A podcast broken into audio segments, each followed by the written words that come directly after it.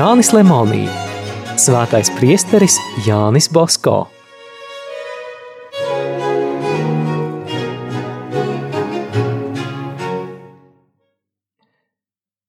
Salesiāņu darbu un viņa dibinātāja slava izplatījās no valsts uz valsti. 1879. gada 15. maijā, dodamies mājup no Romas, Turīnā iegriezās 200 kristieši no Francijas, lai redzētu priesteri Bosko. Taču nepagāja ne mēnesis, kad priesteri Bosko skāra sāpīgs trieciens. Tieši tajā dienā, kad oratorijas audzēkņu līksmi svinēja Jāņa Bosko vārda dienu, viņš saņēma valdības paziņojumu, ka pēc priekšniecības pavēles esot slēgta oratorijas ģimnāzija. Priesteris profesors Čelestīns Durando un Turīnas universitātes profesors Jāzeps Aljevo tajā pašā dienā devās uz Romu, lai mēģinātu panākt kaut tik daudz, lai dekrēta izpildīšanas termiņš tiktu pagarināts. Priesteris Bosko uzrakstīja vēstuli karalim.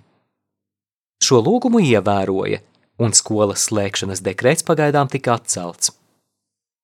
Tā laikā oratorijas audzēkņi, likdami valsts eksāmenus, parādīja, cik augstā līmenī notiek mācības priestera Bosko iestādēs. Pirmajos eksāmenos 208 audzēkņi saņēma labas atzīmes, viens pat bija pirmajā vietā. Oratorijas skolu jautājumu izglītības ministrija izsprieda tikai 1881. gadā un atļāva ģimnāzijai tālāk darboties, bet tikai ar cenzētiem skolotājiem. Tomēr priestera Bosko vārda dienā neviens nejuta, ka viņa sirdis kāris jauns bēdu zobens.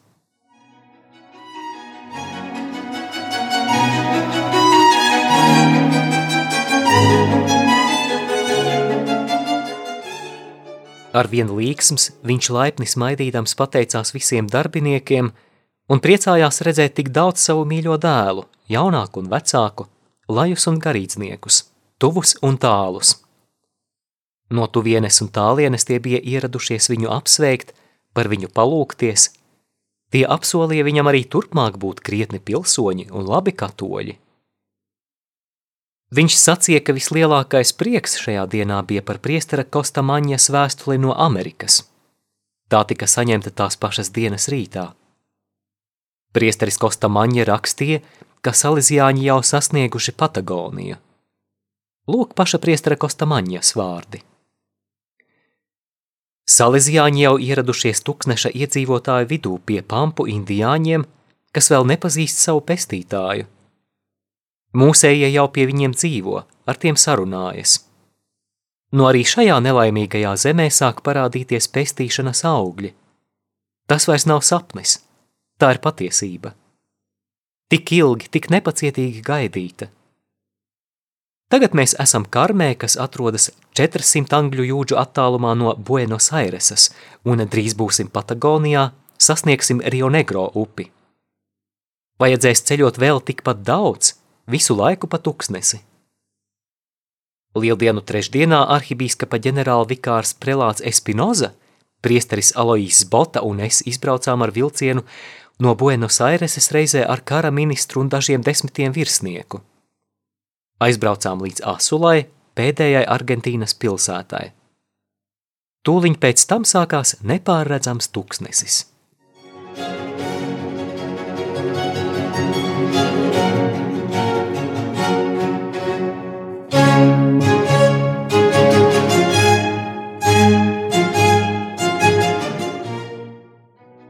11. maijā drosmīgā ekspedīcija sasniedza Rio Colorado upi tai vietā, ko šodien sauc Rikon Grande.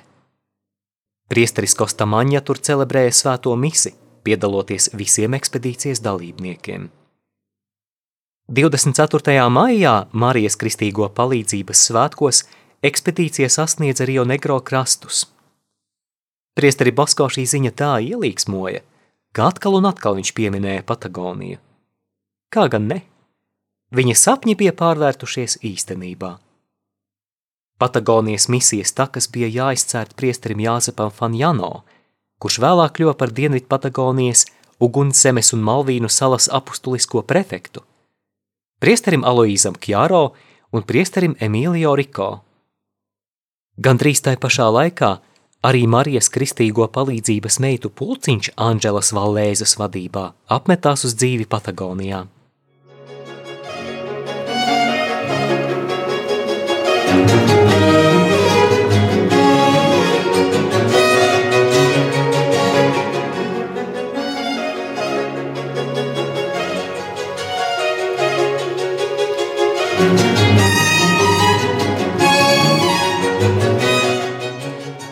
Ceturtās daļas otrā nodaļa – jauni panākumi Francijā, Svētās Jēzus sirds bazilika Romā no 1880. līdz 1881. gadam. Dievs savus kalpus pārbauda kā zelta ugunī, bet, kad citi tiem uzbrūk, viņš apliecina pasaulē, kā viņš savus uzticīgos mīl. 1880. gada janvārī priesteris Bosko atkal devās uz Franciju. Marseļā notika daudz brīnumainu atgadījumu. Priesteris Bosko bija ieradies šajā pilsētā pirms diviem gadiem, gribēdams te atrast kaut nelielu māju, lai salīdzjāņu misionāriem, kas dodas ceļā, būtu kur apmesties. Viņš ieradās pie bīskapa un lūdza viņa padomu un atbalstu. Taču apkrauts ar citām rūpēm, bīskaps atteicās palīdzēt, bet ieteica griezties pie svētā Jāzepa baznīcas prāvesta. Taču arī prāvests nebija mazāk noslogots ar darbiem kā viņa bīskaps. Arī tas atteicās palīdzēt priesterim Bosko un sūtīja viņu pie sava jaunā vikāra. Tas priestera Bosko laipnības savaldzināts nespēja atsacīt, un pats maz pazīdams pilsētu sāka priesteri Bosko vadāt no vienas vietas uz otru. Abi viņi meklēja kādu māju vai zemes gabalu, bet veltīgi. Vakarā novārguši un nekā neatraduši viņi atgriezās mājās. Kā viens tā otrs, negribot vēl vairāk sāsināt nelāgās dienas iespaidus, klusēja. Tad Jāņa Bosko pavadonis pēkšņi ievēroja, ka viņa draugam līst asaras.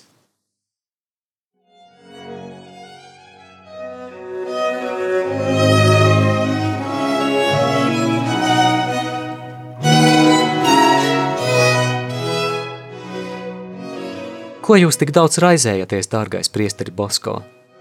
Taisnība, šodien mēs nekā neatradām, tomēr es nešaubos, ka jūsu tik raženā kongregācija varēs arī šeit dziļi iesakņoties. Redzēsiet, rīt mēs atgriezīsimies līksmāki. Bet tas nav tādēļ. Mani nepavisam nesāpina šīs neveiksmes. Tajā mājā otrajā stāvā, kur apgaismoti logi, Šajā brīdī daži cilvēki ar smagiem grēkiem apvaino Dievu. Tikai grēka dēļ Jānis Bosko raudāja. Beidzot, priesteris Bosko ieguva zemes gabalu, uz kura bija dažas ēkas. Vieta tiešām nebija nekas sevišķs.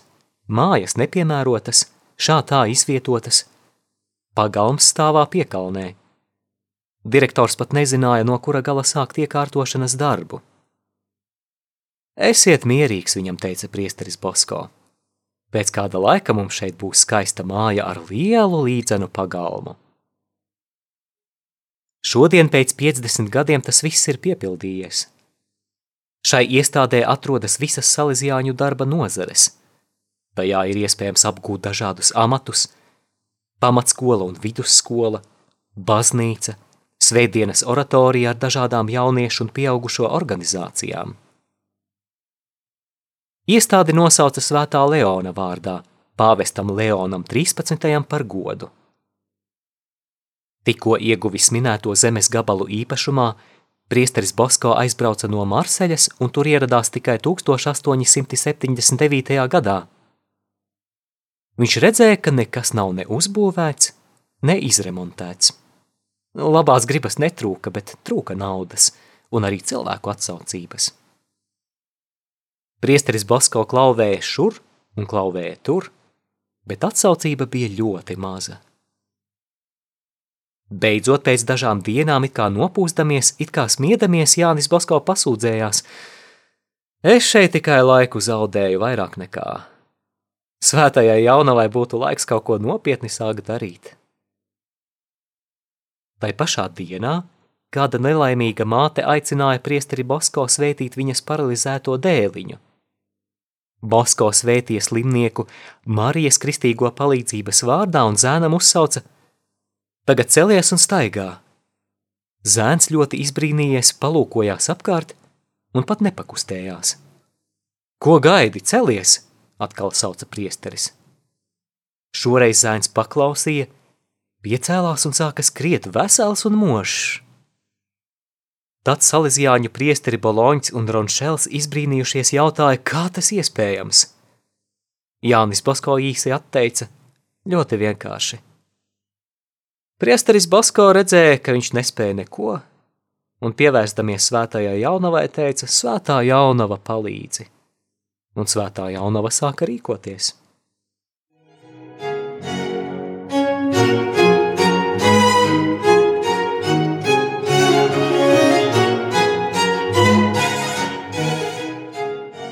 Pēc dažām dienām priesteris Bosko aizbrauca no Marseļas – bet nākošajā gadā šeit ieradies ieraudzīja uzceltu ērtu māju un iekārtotu pagalmu. Svētā jaunava bija nopietni ķērusies pie darba. Kāda meitene no turīgas ģimenes perjē jau sen slimoja ar vēzi, un ārsti nedeva nekādu cerību, ka viņa izveseļosies. Slimniece atradās svētā sales Franciska slimnīcā. Kad tur uzaicināja priesteri Bosko, Viņš apstaigāja visu slimnīcu un katrai slimniecei pasacīja līdzjūtīgu vārdu. Piegājis pie perjē jaunkundzes viņš jautāja. Jūs liekas lūdzat atļauju celties, tad arī neko negaidiet un celieties. Bet jūs varbūt nezināt, piezīmēja priekšnieks, ka šī jaunava slimo ar nedziedināmu slimību. Pusdienlaikā celieties un ejiet kopā ar citiem ēst, vēlreiz atkārtoja priesteris Pasko un slimnieci svētīja. Priesterim no slimnīcas aizejot, slimniece iesaucās: Bet es vairs nejūtu nekādu sāpju. Esmu vesela, es gribu celties, dodiet man drēbes!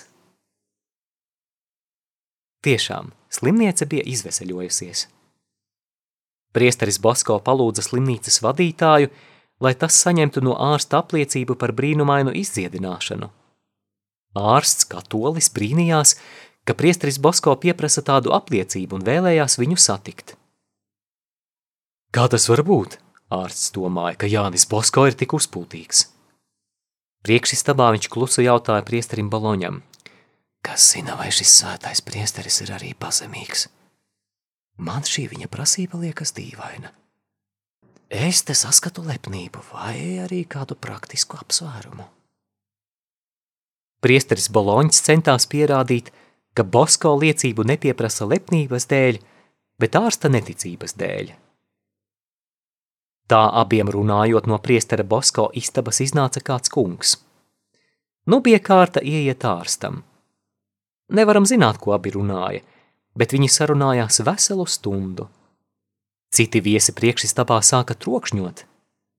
Priesteris Boloņs atvēra durvis, lai pateiktu Jānim Baskā, ka viesi jau kļuvuši nepacietīgi – un redzēja, ka ārsts ir nometies ceļos, un priesteris Basko viņu svētīja.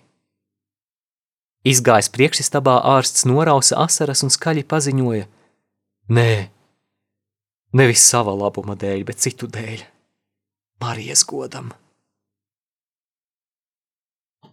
Ziņa par šo brīnumu izplatījās visā pilsētā. Visi laikraksti plaši rakstīja par satraukumu pilsētā, ko radījusi priestera Bosko ierašanās. Plašāka korespondence ievietota Lesitojēna 1880. gada 21. februāra numurā.